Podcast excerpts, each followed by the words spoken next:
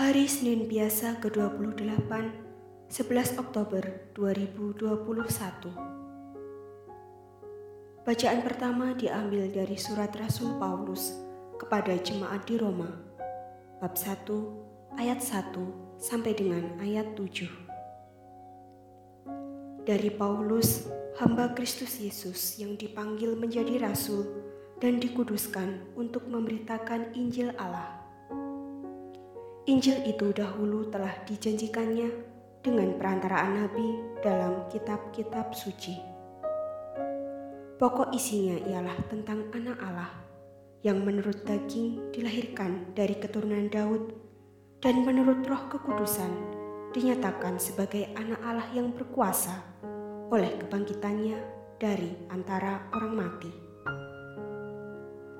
Dia itulah Yesus Kristus Tuhan kita dengan perantaraannya, kami menerima kasih karunia dan jabatan rasul untuk menuntun semua bangsa supaya mereka percaya dan taat kepada namanya. Dan kalian yang telah dipanggil menjadi milik Kristus, kalian pun termasuk di antara mereka. Kepada kalian semua yang tinggal di Roma, yang dikasih Allah, yang dipanggil dan dijadikan orang-orang kudus.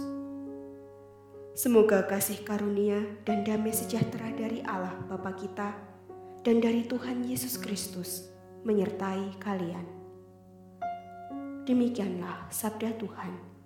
Syukur kepada Allah.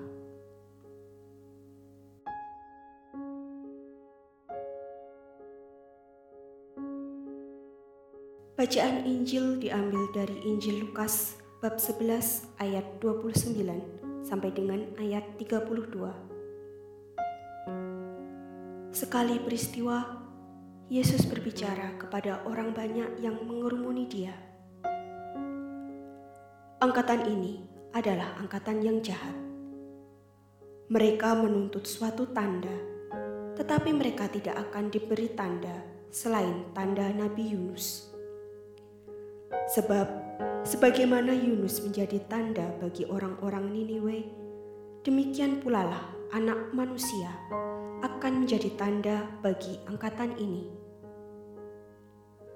Pada waktu penghakiman, ratu dari selatan itu akan bangkit bersama orang dari angkatan ini dan ia akan menghukum mereka.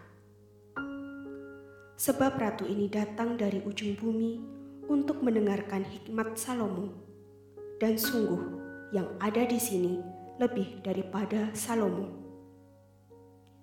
Pada waktu penghakiman, orang-orang Niniwe akan bangkit bersama angkatan ini dan mereka akan menghukumnya.